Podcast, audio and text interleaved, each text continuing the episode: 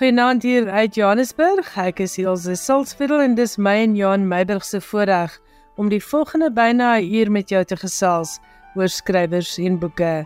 Namens die RSG span, baie dankie dat jy vanaand ons geselskap gekies het. In die finansie program stel ek jou voor aan Pieter Stoffberg en hy is die skrywer van Think, ons nuwe laat-aand boekvoorlesing. Jy kan ook luister na argiefonderhoud met Gerrit Olivier wat verlede week oorlede is. Johan Meiburg bring in sy internasionale bydrae hulde aan die Amerikaanse vertaler Edith Grossman. Hy vertel ook meer oor die kortlys vir die 2023 Kirkusprys en stel ons voor aan die Australiese digter Sarah Holland Pat. Ek hoop jy geniet vanaand se program saam met ons.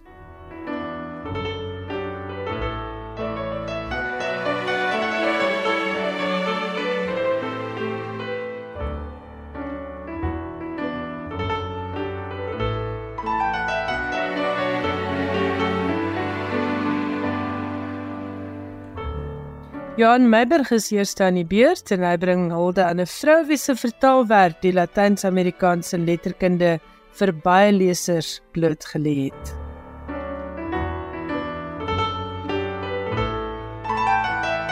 Edith Grossman, die Amerikaanse vertaler wat nie net wyd aangeprys is vir haar vertaalwerk nie, maar ook daarvoor vereer is, is verlede week dood. Sy was 87 Grossman was besig om vir haar 'n loopbaan in die akademie te vestig. Toe iemand haar in 1972 gevra het om 'n bundel kortverhale van die Argentynse skrywer Macedonio Fernandez uit Spaans in Engels te vertaal. Die episode het daartoe gelei dat sy haar fokus verplaas het na vertaling. Haar bekendste vertalings is waarskynlik die van Don Quixote van Miguel de Cervantes in Love in a Time of Cholera deur Gabriel Garcia Marquez. Haar 2003 vertaling van Don Quixote word allerweer gereken as een van die beste vertalings van die klassieke werk. Benewens haar vertalings het sy besliste sienings gehad oor vertaalwerk.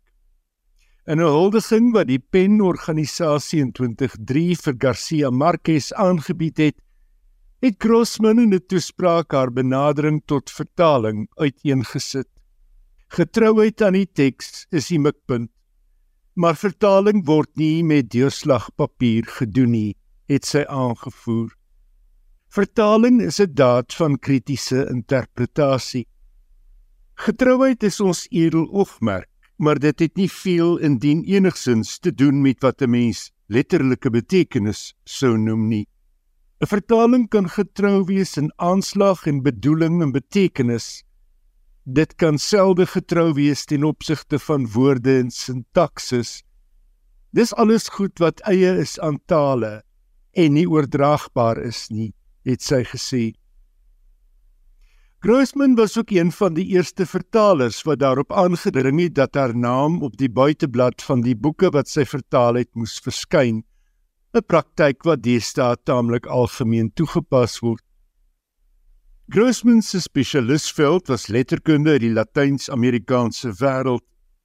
En dit was haar vertaalwerk wat lesers in Engels die eerste keer blootgestel het aan die magiese realisme van die 1980s en 1990s. In haar hulde blyk na die dood van Garcia Marquez het sy in The Guardian vertel hoe 'n agent haar op 'n dag gebel het en gevra het of sy kan sien om Garcia Marquez te vertaal. Trek jy my been, wou sy weet. En het onmiddellik dit opgevolg met natuurlik sal ek.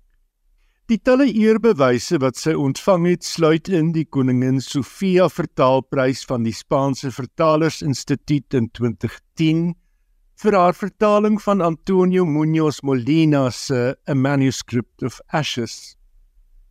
In 2016 het die Spaanse koning Filipe VI haar vereer met die land se orde van burgerlike verdienste. Wat was Edith Grossman se taksering van vertaling? In Why Translation Matters, haar boek van 2010, het sy dit so gestel: Dit verbreek en verdiep ons wêreld en ons bewussyn op ontelbare en onbeskryflike maniere. Baie dankie Johan Meiberg.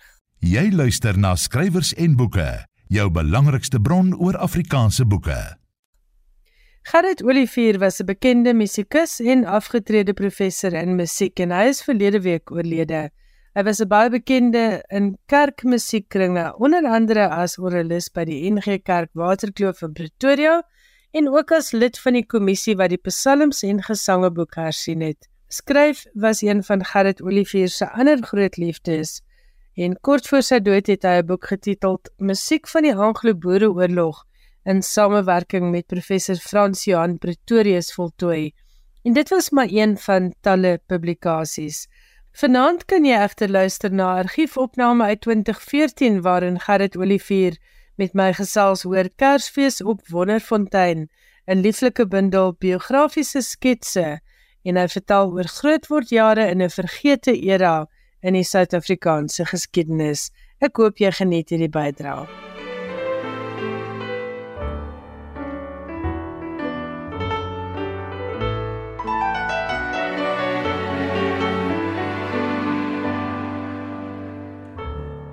Baie welkom terug by Skrywers en Boeke se spesiale erfenisprogram. Nou luister ons na Christel van Tonder. Sy lees vir ons voor uit Gerrit Olivier se bundel Kersfees op Wonderfontein. Die badkamer in die plaashuis is net vir gesig en voete was en tandeborsel. Want al die waswater moet elke dag van die fontein af aangedra word. Skuins na 4 uur op ou Kersdag sit ons maas met ons af fontein toe om behoorlik te gaan bad. Want die spruitwater waarin ons elke dag swem, is nie skoon genoeg vir die geleentheid nie. Ons trek ons swembroeke aan vir die battery en die groter kinders moet so lank die kleintjies se hakskene met skuurklippies glad skuur terwyl ons maas die meisiekinders se hare was.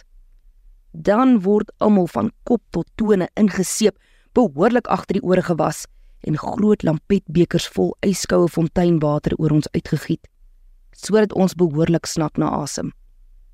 Skoon geskrob, loop ons dan huis toe sodat ons maas en ouma kan bad. Ai Martha en hy Emily vleg elke jaar 'n takskerm van populierlatte en wilgertakke by die fontein. En dit is dan die groot mense se badkamer. Ons is nogal spyt oor die takskerm want Talla het vertel ouma het 'n baie kostuum met sulke valletjies om die broekspype. Dis dan net so lusmakertjie uit Kersfees op Wonderfontein deur Gerrit Olivier. Kristal van Tonder het vir ons 'n stukkie voorgeles uit die gelyknamige verhaal. En die ou kamp het die voorwoord geskryf vir Gerrit se bundel En hier is net so 'n paragraaf oor wat hy in die ou kamp te sê gehad het. Hy beskryf Olivier se herinnerings as 'n soort afsluitpunt vir die goeie ou dae. Kortom, as jy Olivier lees, soos ook Alba Bouwer, rol daar voor jou verby als wat heel ver en heel skoon is. En daarvoor sê ons, 'n ouer en 'n jonger leserspubliek, hartgrondiglik dankie. En dit was hy in die ou kamp, hy het die voorwoord geskryf in September 2012 en Gerrit Olivier is vanaand by ons in die ateljee. Baie geluk daarmee, maar kom ons praat 'n bietjie oor die ontstaan van die bundel. Wanneer het jy hierdie idee gekry? Weet jy, die eerste stories dateer 23 jaar gelede. Het ek vir Wyle Johan van Rooyen se tydskrif Tuinhuis het ek sketse geskrywe op sy versoek. Ek het 8 geskrywe en toe is die tydskrif nie weer daar nie en so ook die stimulus om gereeld elke maand 'n storie te skryf. Ja, want jy is eintlik 'n musikant, né? Jy was ja. professor in musiek. Ja, maar ek het al die jare 'n baie intense belangstelling in Afrikaans behou. Ons het nog onderwysers gehad wat uh, roepingsbewuste mense wat 'n liefde vir die vak in ons wakker gemaak het. My pa was self 'n taalonderwyser, so ek kon nie anders as om belang te stel in boeke en in skryfwerk nie en ek het die belangstelling altyd behou. Ons moes destyds ook as deel van ons musiekstudies 'n taalkursus neem vir 2 jaar. En ek het Afrikaans gekies. En ek het by mense soos Elise Botha en Rena Pretorius en Appie Groewe klas gekry. So jy kon nie anders as om ja. in die skryfkuns belang te stel nie. En die ander ding is ek het 'n baie unieke kindertyd gehad om op 'n sendingstasie groot te word wat gekoppel was aan 'n normaal kollege vir swart onderwysers waarin my pa verbonde was. Daar was 'n Duitse skoolhoof. Hulle het hulle insette gelewer. Ons het Duitse musiek gehoor wat ons andersins nie sou geken het nie. En dan het ek altyd 'n drang gehad om iets oor daardie wêreld te skryf. Daar's name soos Bylsteel, Kameelkoppie, Drie Doringhoek en Dendron waar ons skooltjie was. Days, daardie wêreld is nog nooit regtig in ons skryfkuns kan ek sê oopgesluit nie. Vertel vir ons van Bethesda want ek ken nou nie die noordelike provinsie nie. Dis nou in Limpopo. nie? Ja, Waar presies is Bethesda die sendingstasie geleë? Bethesda is so 30 myl noord van huidige Polokwane toe Pietersburg naby 'n dorp Dendron op pad uh, Lutrichard se kant toe. Volgens jou beskrywing is dit regtig waar 'n gemeenskapie op sy eie baie kleurvolle gemeenskap ja. gewees. En wat vir my opmerklik was van jou boek is die vredesame naasbestaan van almal daar. My speelmaats was swart seentjies, Ismail en Prins. Ek kon net so goed toe toe praat, uh, Siberi eintlik. As Afrikaans, as my pa gaan beeste koop het om te slag vir die college se koshuis het ek saam gegaan om te tolk. Ons het die swart mense as ons gelykes beskou.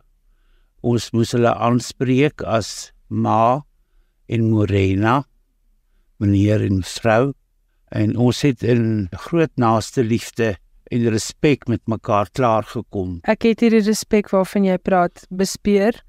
Wat vir my wonderlik was van jou stories is dis eg menslike verhale waarmee baie van ons, ek dink die meeste van ons wat luister kan identifiseer daarmee want jy skryf oor goed wat ons ken. Jy skryf oor padkos wat ons ken as daar gereis word en reistekens Ja.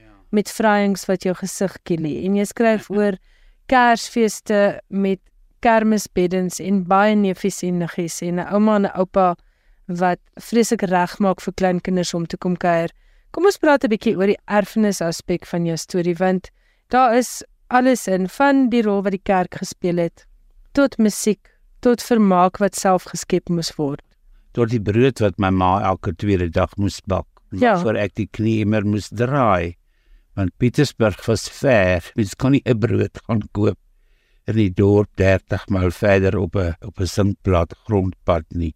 Ons het eenmal 'n maand dorp toe gegaan. Ons het 'n winkeltjie gehad op Kalkbank waar die Serfonteins was. En daar het ons nou ons weeklikse benodigdhede gekry. Maar verder het ons baie selde in die dorp gekom om om inkopies te gaan doen. Wat vir my mooi was van julle verhaal is dat almal het saam kerk gehou. Daar's nie wit en swart kerk gewees nie. Uiteraard is nou 'n sendingstasie. Maar jy skryf byvoorbeeld van die bruin vrou uit die Kaap wat vir ouma Anna wat verkies het om haar Hoog-Hollandse Bybel nog te lees. Ja, sy het in Hoog-Hollands gesing en in Hoog-Holland die Bybel gelees. Sy het vir my oupa huis gehou toe hy jare gelede daardie sendingstasie begin het. Sy het vir ons vertel dat sy vir president Kreer ook geken het. Sy het nooit geweet hoe hoe oud sy regtig is nie want sy het nie 'n geboortesertifikaat gehad nie. Maar uit wat sy vertel het, moes sy naby 100 gewees het. En ons het haar almal as ouma aangespreek. En sy was 'n vrou met 'n bepaalde funksie. Sy kom Ja. seep kook Ja. elke hoeveel maande. Ag, dit hang af wanneer ons genoeg vet bymekaar gemaak het, Ja. jy weet. Wie is vet en dan dan uh, het ek vir my ma kom help seep kook en uh, dit vra geleer. Ja, iets wat ons nou nie vandag nie meer kry nie. As ek op 'n vloei maar boerseep raakloop, dan koop ek dadelik alles wat ek kan, want daar's nie 'n ding wat vat ek so wat kry soos Sis boerseep nee ja, my ma het ook geglo. Ja. En jy skryf ook oor die rol van die radio en hoe die radio met 'n Ja. windkragopwekker opgewek is. windlaaier. En as dit nou nie donderstorms is tussen daar en Johannesburg nie, dan luister ons in die middag vir die klein span. So maar as daar 'n donderstorm is, dan het jy nie genoeg sein nie. Nee, dan is die ontvangs baie swak. Ja. Haas. En dan kan ons ro ons roep die jeug, onthou jy dit nog? Nee, dit is na jou tyd. Ek dink dis bietjie bietjie jare voor my tyd, ja. Ons roep die jeug. En uh, verder het ons wat belangrik was, ons het goeie ernstige kunsmusiek uitsendings lewend gehad. Die aandster was daar altyd op 'n donderdag aand dan het iemand gesing of viool gespeel lewend hier uit Johannesburg. Nie opnames wat jy kon reg dokter agterna nie. Dit was 'n naakte waarheid wat jy gehoor het. Maar die radio was ons groot vriend en opvoeder. As jy wou hoor hoe moet jy Afrikaans praat, dan volg jy die voorbeeld van die radio. Kom ons praat oor die vermaak, want julle moes omdat julle 'n afgeleë gemeenskap was, moes julle julle eie vermaak ja. skep.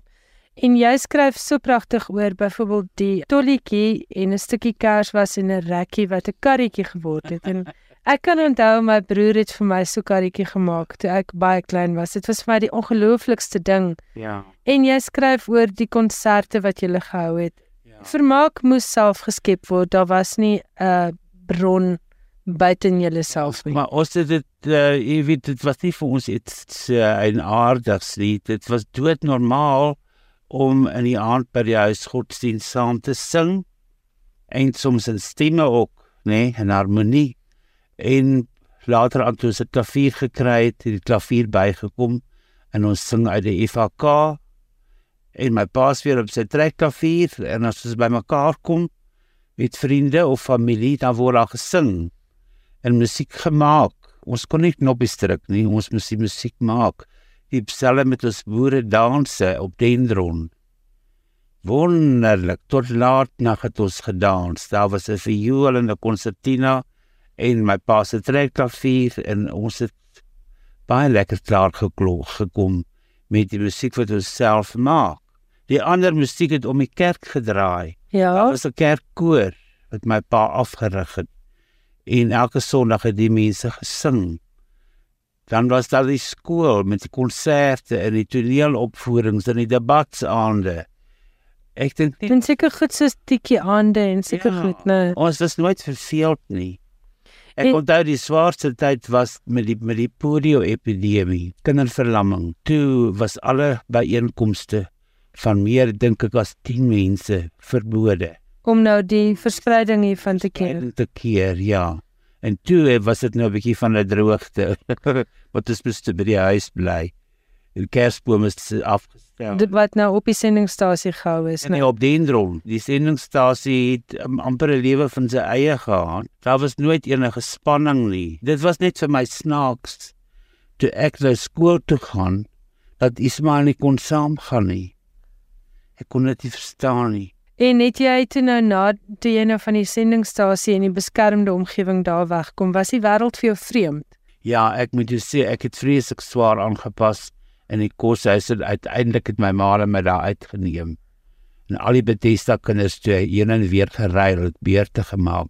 Elke dag teen rond toe. Ja. Want ons het nie klaar gekom aan die koshuis. Dit het nie dat al die reëtaards was wat ons mishandel het nie, maar dit was net nie daardie sameseil wat waarna ons gewoond was nie. Kom ons praat oor kos, want kos is 'n baie belangrike ja. deel van ons erfenis en 'n groot deel van ons Afrikaanse kultuur en kos gaan oor kleurgrense heen, want die die kos waarvan ons waarvan jy hier skryf is kos wat net sowel in 'n breinhuishouding aangetref kon word. Jy het gesê jou pa het eenmal 'n week twee beeste geslag. Die vleis is, was dan bedoel vir die koshuise waar al die swart studente tuis gegaan het Ja. Ook vir die inwoners, die personeel wat op Bethesda gewoon het. Daar was wat so 'n boekie wat rondgegaan het en dan elkeen opgeskryf wat hy nou wil hê en dan het uh, is dit nou by die huise afgelewer. En ons het ons deel ook dan geneem. Die karkasse is, is aan die dak opgehang in die, in die motorhuis aan 'n hak en dan is hulle eers in stukke gesny. En dan het elke koshuis met hulle skottels gekom en hulle vleis kom haal een groot ding wat ons moet noem, daar was nie elektrisiteit nie. Ons het later eers 'n parafinyskas gekry. So uh, mens moet mooi werk met dinge wat verkoel moes word in daai vroeë dae omdat uh, dat dit nie met bederf nie. En baie goed is seker ingelê. Baie goed is ingelê.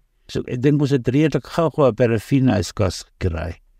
Dit is daarom kon roomys maak. Dit was een van ons groot groot lekker snye Sondag.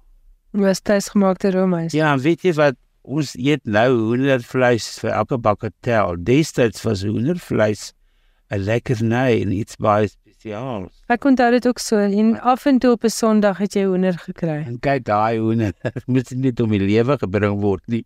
Al daai duisende veertjies moet ook uitgepluk word. So dit was 'n groot werk voor die hoender uiteindelik in die oond kom. En julle kinders het aan al hierdie goed meegehelp. Ja, Julle moes basies ook iets van alles leer. my pa het ons geleer. Daarvoor is ek baie dankbaar. Ons toe ons uit die huis uit gaan kon ons alles doen. Van kos maak tot kouse stop en knope aanwerk tot uh, bobotie aan mekaar sit of 'n breedie te maak of in elk geval om 'n broodemmers uh, te draai met digte knie. My ma en pa het ons alles geleer. Ons het bediendes gehad in die huis, maar hulle het byvoorbeeld nooit ons beddens opgemaak Dit moes julle self doen. skoene skoon gemaak. Mm. Ons moes dit self. Wat ook opmerklik was is die die gemeenskapslewe van Bethesda ja. en die familielewens. Jy, jy skryf in die titelverhaal van die van die bundel Kersfees op Wonderfontein beskryf jy dit ook baie goed hoe die familie moeite gedoen het om eenmal 'n jaar bymekaar te kom. Kom ons praat oor die familielewe en die hoeksteen wat dit gevorm het ja. en die gemeenskapslewe. Ja, kyk ons oupas en oumas was baie belangrik in ons lewens. Ons moes elke week vir hulle skryf, netjies 'n briewe skryf. My oupa en ouma Olivier het dikwels by ons kom kuier want hulle het op Sebedela gewoon. En hulle was ook dan nou in die sending um, My oupa was self uit daai sendingstasie begin. So hulle het baie sterk in ons lewens figureer, maar ouma en oupa Vrystaat het ons een keer 'n jaar gaan besoek gewoonlik oor Kersfees het ons plaas toe gegaan. jy beskryf haar reis ja. so mooi en dit was 'n uittog. Dit was Ja, was 'n ekspedisie. Kyk, ons het in die nag gery. Daar was nie lugverkoeling in die karre destyds nie. So ons het gery in, in die nag. En dan dan as jy weer wakker word, dan is jy in 'n vreemde wêreld waar daar's nie 'n boom nie. en jy kom na die bosveld en nou net in die kale plat vrystaat. My pa het altyd gesê, "Ag, toe maar wat die mense is so gaaf." ja, dit moet opmaak vir die landskap. Ja. En Ja. en in jou skets is daar dis vir my vreeslik mooi hoe jou sussie se muis wat geboorte geskenk het moet saampikkel op hierdie een spesifieke reis en hoe al die muise dan ontsnap En by so ontsnap en daar by Frankfurt moet ons stil langs die pad en die bietjie hierso dit vashou en dit lyk soos ek geskryf het soos wasdag by die fontein op Wonderfontein. Al die klere moet uitgepak en uitgeskit word om 'n muis te vind. het die muise weer die tog terug aangepak. Nee. Ek dink hulle het hulle seker soetjies weggemaak op die plaas, Dit né? op Wonderfontein het een van daai werfkatte hulle in die hande gekry. Wat my oupa hulle was nie vriende met muise. Ek kan ook nie dink dat ek ses baba muise op vakansie sou neem nie. Jou ma was 'n beter mens as ek gewees.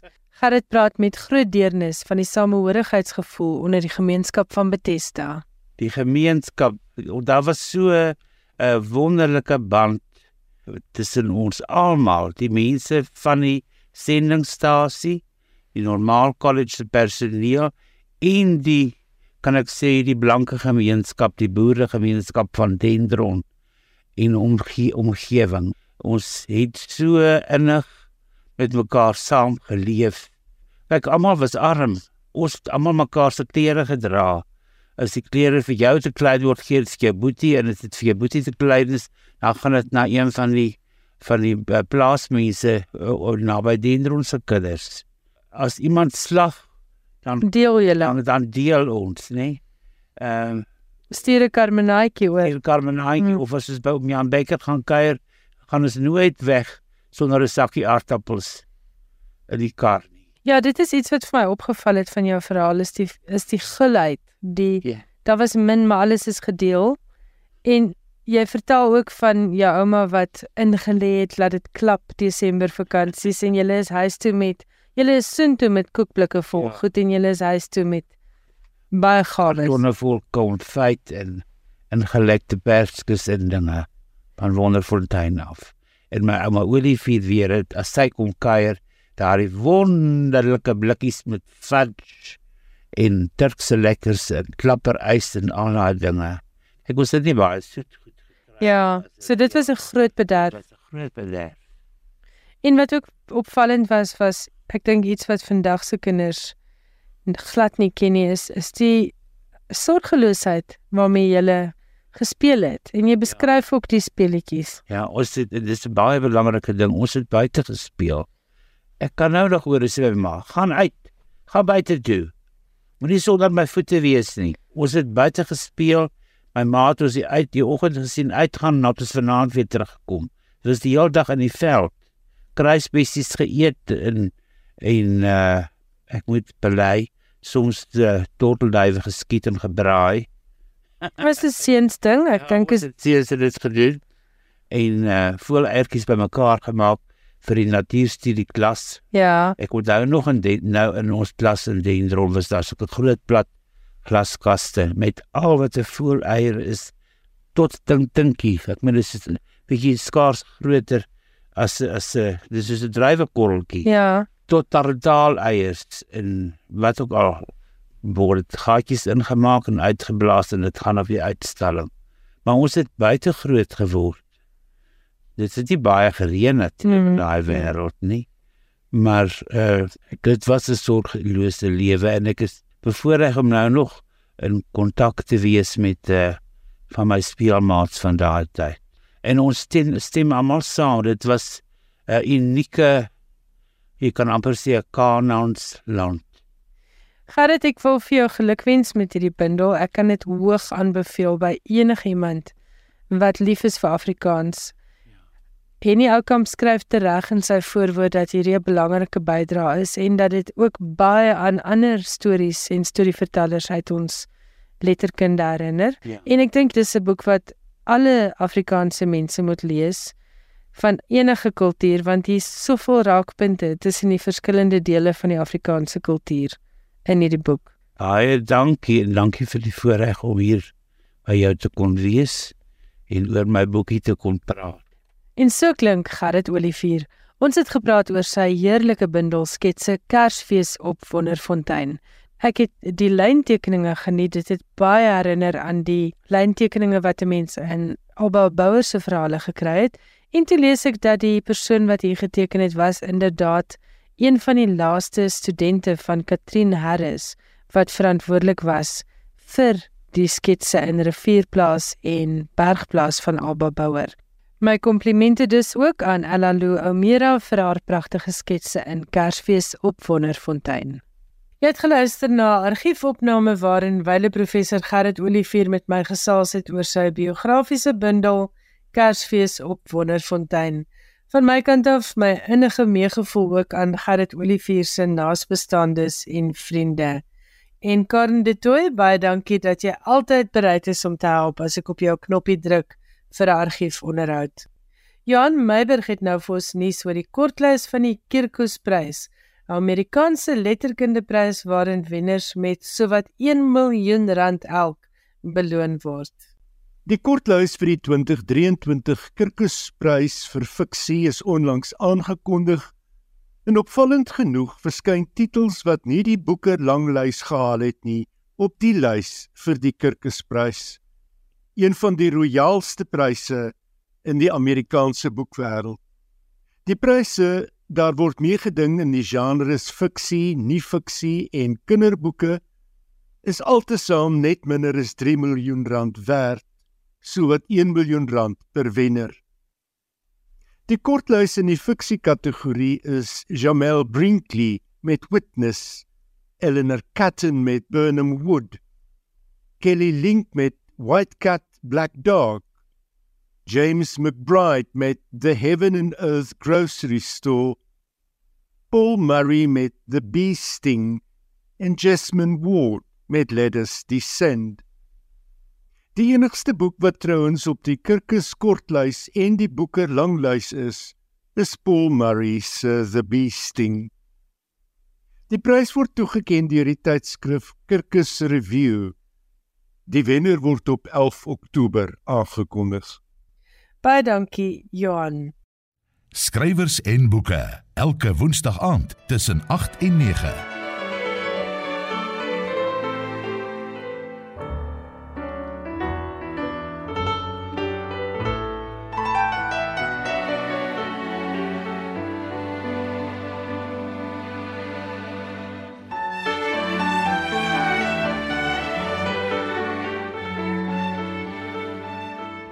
Luisteraars sou nou al agtergekom het dat daar 'n splinternuwe voorlesing op RSG is. Dit is Tenk deur Pieter Stoffberg.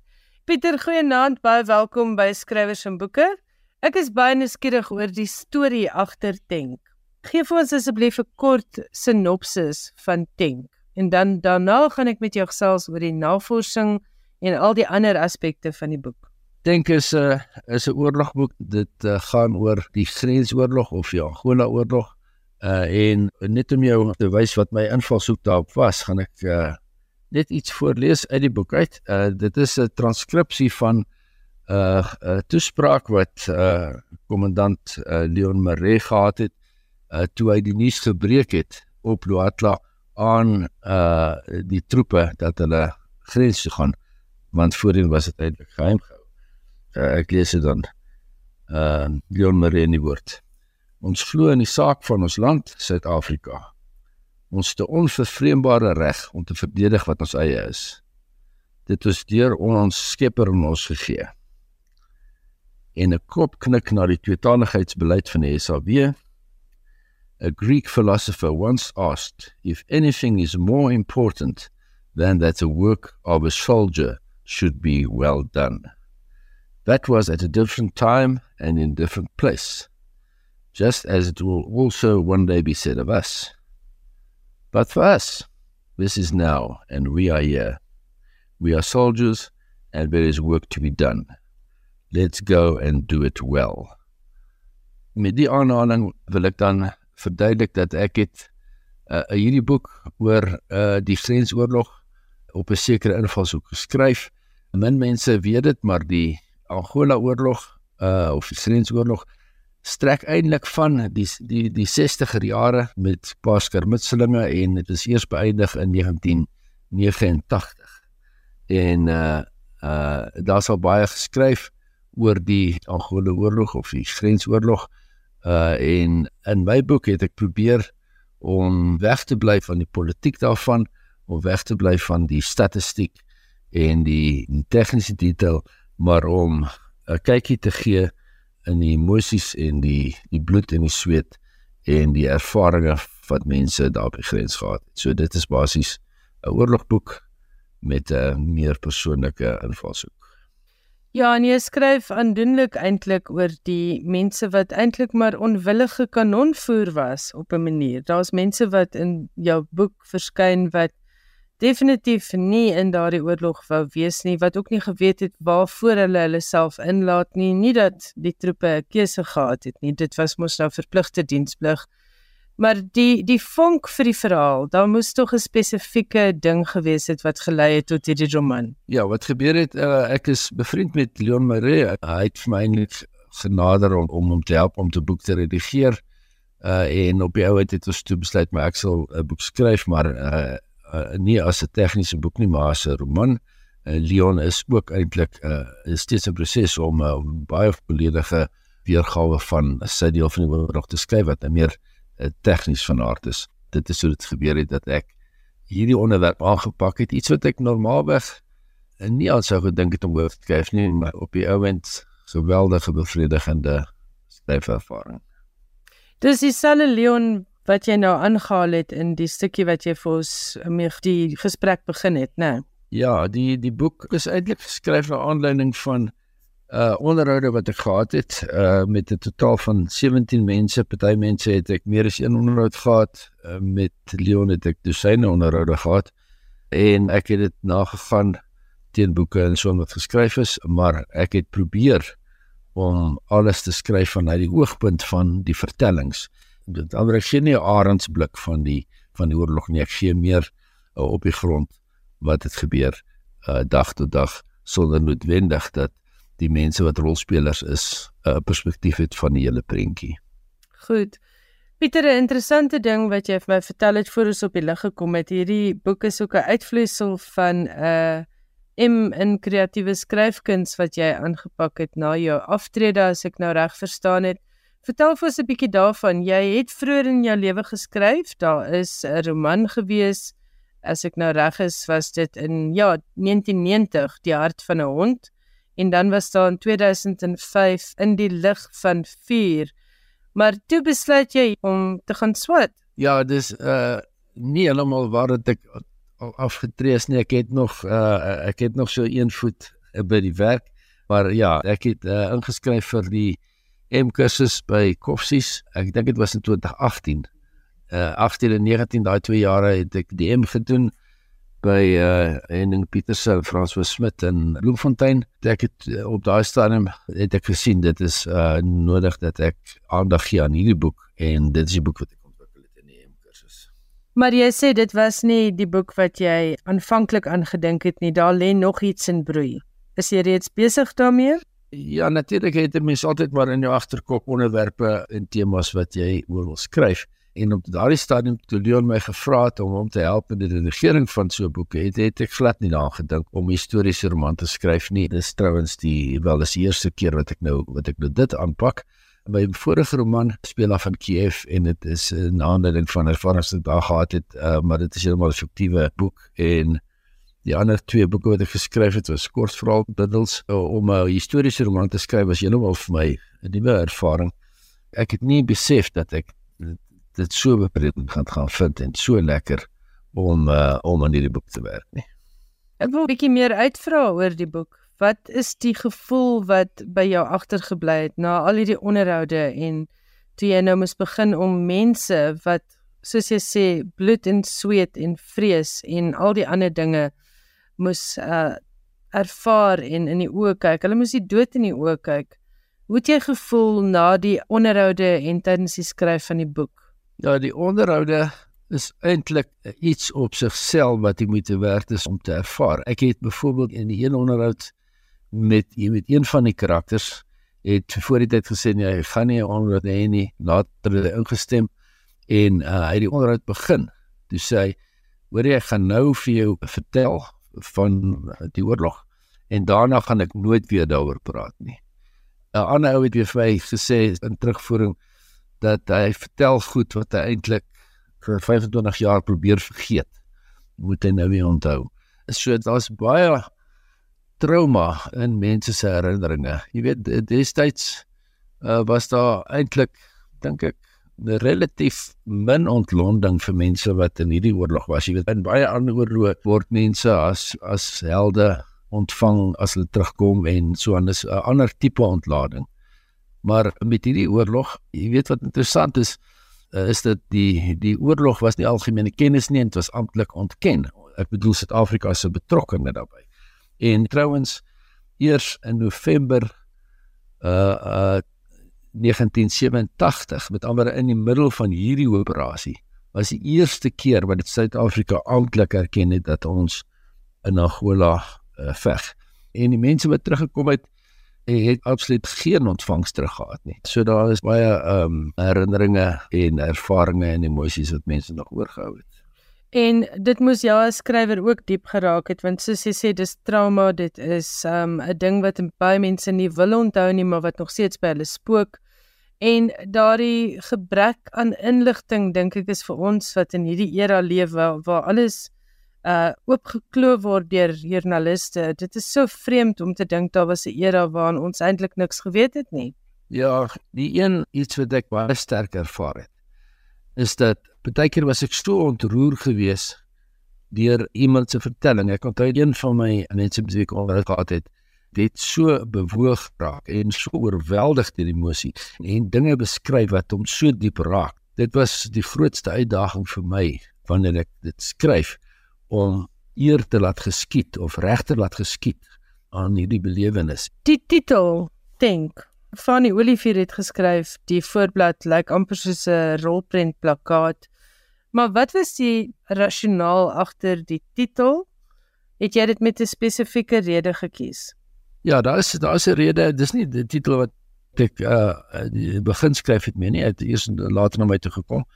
Maar die die thinks is baie uh, sentraal in in hierdie militêre veldsag. Soos ek gesê het, uh Suid-Afrika was betrokke was betrokke by die Angola oorlog van die 60er jare af. En die die vegvoertuie wat gebruik is is is maar eintlik ratels en so aan wat nou kleiner uh, kaliber vegvoertuie is met rubberwiele en so aan.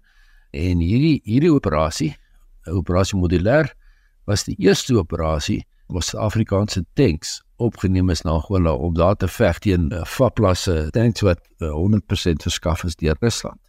So die die geskiedenis interessantheid daarvan is dat hierdie oorlog wat ek beskryf is die eerste tankoorlog in Afrika sedert die Tweede Wêreldoorlog, na die Tweede Wêreldoorlog. So so geskiedenis is dit is dit interessant. Maar dit is ook soos jy sê dat vir my gaan dit nie dit, dit gaan natuurlik nie oor die tanks nie, dit gaan oor die mense wat in die tanks was en die mense wat in al die ander uh, fasette van die. Jy was self in hierdie veldslag nie, maar ek aanvaar jy het diensplig gedoen en jy was ook uh, betrokke in hierdie stryd vir ons land, soos wat dit vir die troepe herhaaldelik gesê is, ons veg vir ons land. Ja, om die waarheid te sê, ek was nooit uh, op grens toe nie. Ek het 'n jaar diensplig gedoen. Uh dit was nog voor dit verleng is na 2 jaar toe. So ek ek was nie self ooit uh op die grens. Dink jy hierdie onderhoude wat jy met hierdie mense gevoer het, jy het nou vir ons vertel hoe aangedaan party was, hoe ontsteld ander was. Dink jy dit was 'n bietjie van 'n katarsis vir hulle om hulle storie vir jou te kon vertel en om ook uiteindelik hierdie roman in hulle hande te hou? Ja, wat baie interessant is, is 'n mens sien dit in ander boeke.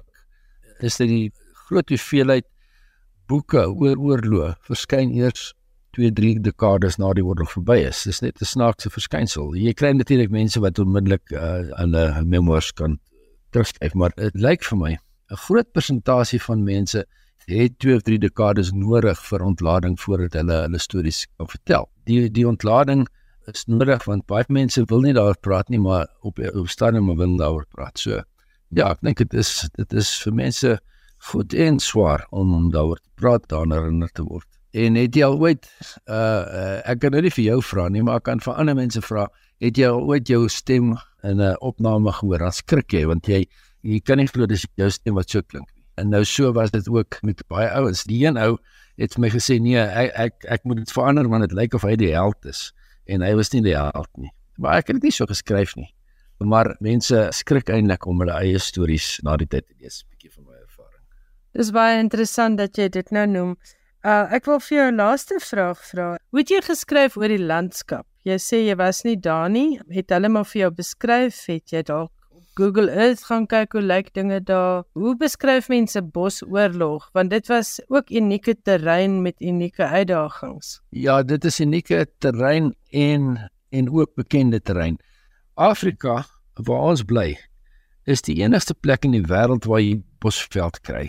So dit is ook om mense wat immigreer en so aan terug verlang en dan die bosveld en die stof en die doringbome en so aan. So so so so, so bietjie daarvan is ons ons bekend, maar ek het natuurlik in elke uh, onderhoud het mense daaroor gepraat en wat almal gepraat het is die stof en die vliee en die hitte en eers droë omstandighede en dan later ek sê ek daaroor Angola het bietjie van 'n sal net sê 'n monsoon tydperk nie, maar hulle het baie swaar reën wat hulle begin kry hierso teen die einde van jare en dan is dit weer alles nat en sit vas en so aan. So ek het eintlik 'n goeie prentjie van die omgewing en is ook baie belangrik in 'n mobiele oorlogssituasie want die vraag is hoe ver kan jy sien? En tanks is ontwikkel om baie goed daar in uh, Noord-Afrika waar in die Tweede Wêreldoorlog hulle geskiet het met tanks 2 3 4 km van mekaar af sien hulle en hulle skiet. In hierdie oorlog was dit so digte bosse dat die een tank die ander tank gesien op 30 tree miskien en dan moet jy reageer en skiet. So dit dit het die aard van die kontak geweldig verander en spanning van sy eie in die toneel gebring. Pieter Stoffberg, ek het baie lekker met jou gesels oor Tank en ek is seker daarvan hierdie boek wat nou ook 'n voorlesing op RSG is, gaan die oë vir baie van ons oopmaak wat nooit ooit op die grens was nie, wat dalk nie verstaan hoekom daar so baie trauma nog is vir mense wat daar was nie. Baie dankie vir die lekker gesprek, lekker skryf van jou volgende boek. Ek sien uit. Dankie Els, dit was 'n groot voorreg om uh, in gesprek met jou te hê.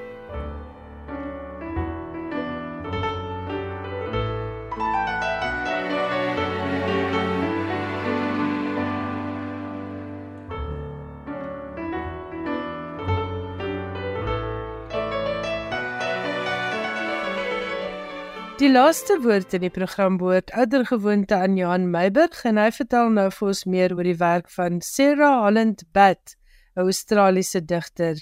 Jy kan ook luister na 'n gedig wat sy voorlees. Sarah Holland Bat, die Australiese digter wat met haar jongste bundel gedigte The Jaguar vroeër vanjaar reeds die Stella Prys, 'n prys vir Australiese vroue skrywers in enige genre, verower het het verlede week ook die Queensland Letterkundeprys met die bundel verower. The Jaguar is Alan Bat se derde digbundel. Haar debuut Aria het in 2008 verskyn en daarna in 2015 The Hazards. Met die drie bundels het sy iets soos 19 Australiese literêre pryse ingeoes.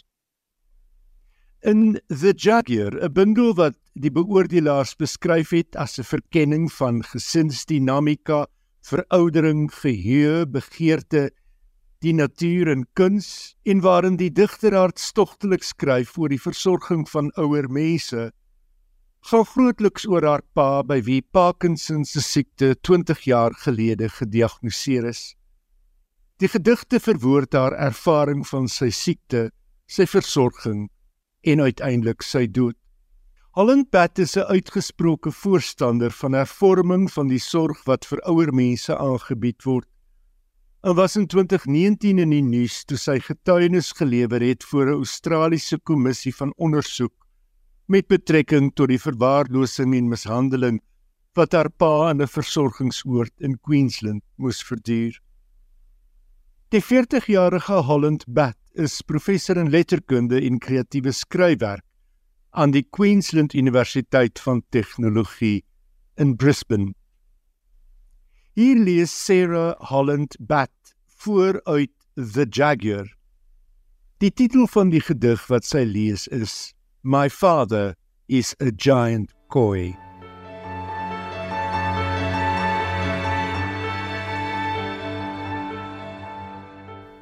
My father is at the bottom of a pond, perfecting the art of a circle.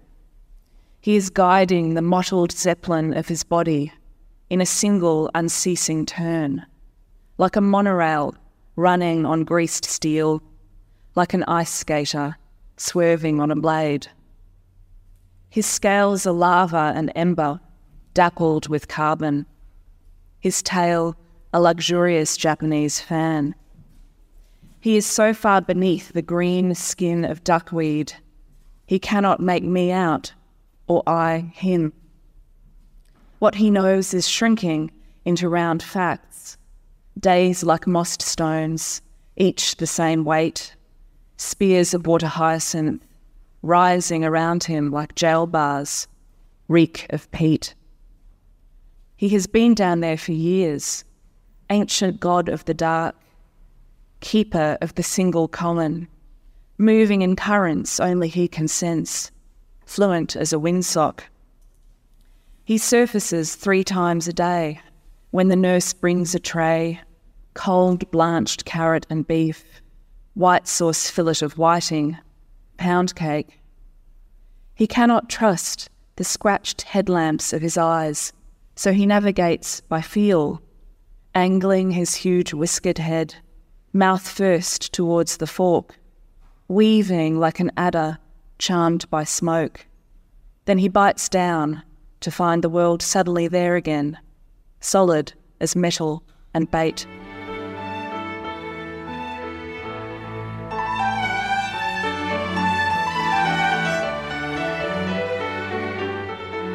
Dit was die stem van Sarah Holland Bat, 'n digter van Australië.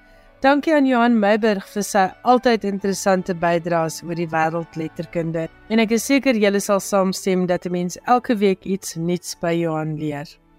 Nou moet ons ongelukkig groet tot volgende Woensdag aand om 8uur. Dan is ek en Johan Meiberg weer op ons pos hier in die skrywers en boeke ateljee. Ek sê vir jou dankie dat jy vanaand saamgeluister het. En ek herinner jou daaraan dat alle skrywers en boeke programme beskikbaar is as potgoeie. So dis heerlike materiaal om te gebruik vir 'n boekklub of leeskring bespreking. Tot volgende week. Alles wat mooi is. Ek hoop jy het heerlike boeke. Ek hoop jy het genoeg tyd om hierdie heerlike boeke te lees en ek hoop jy is veilig en gesond. Totsiens.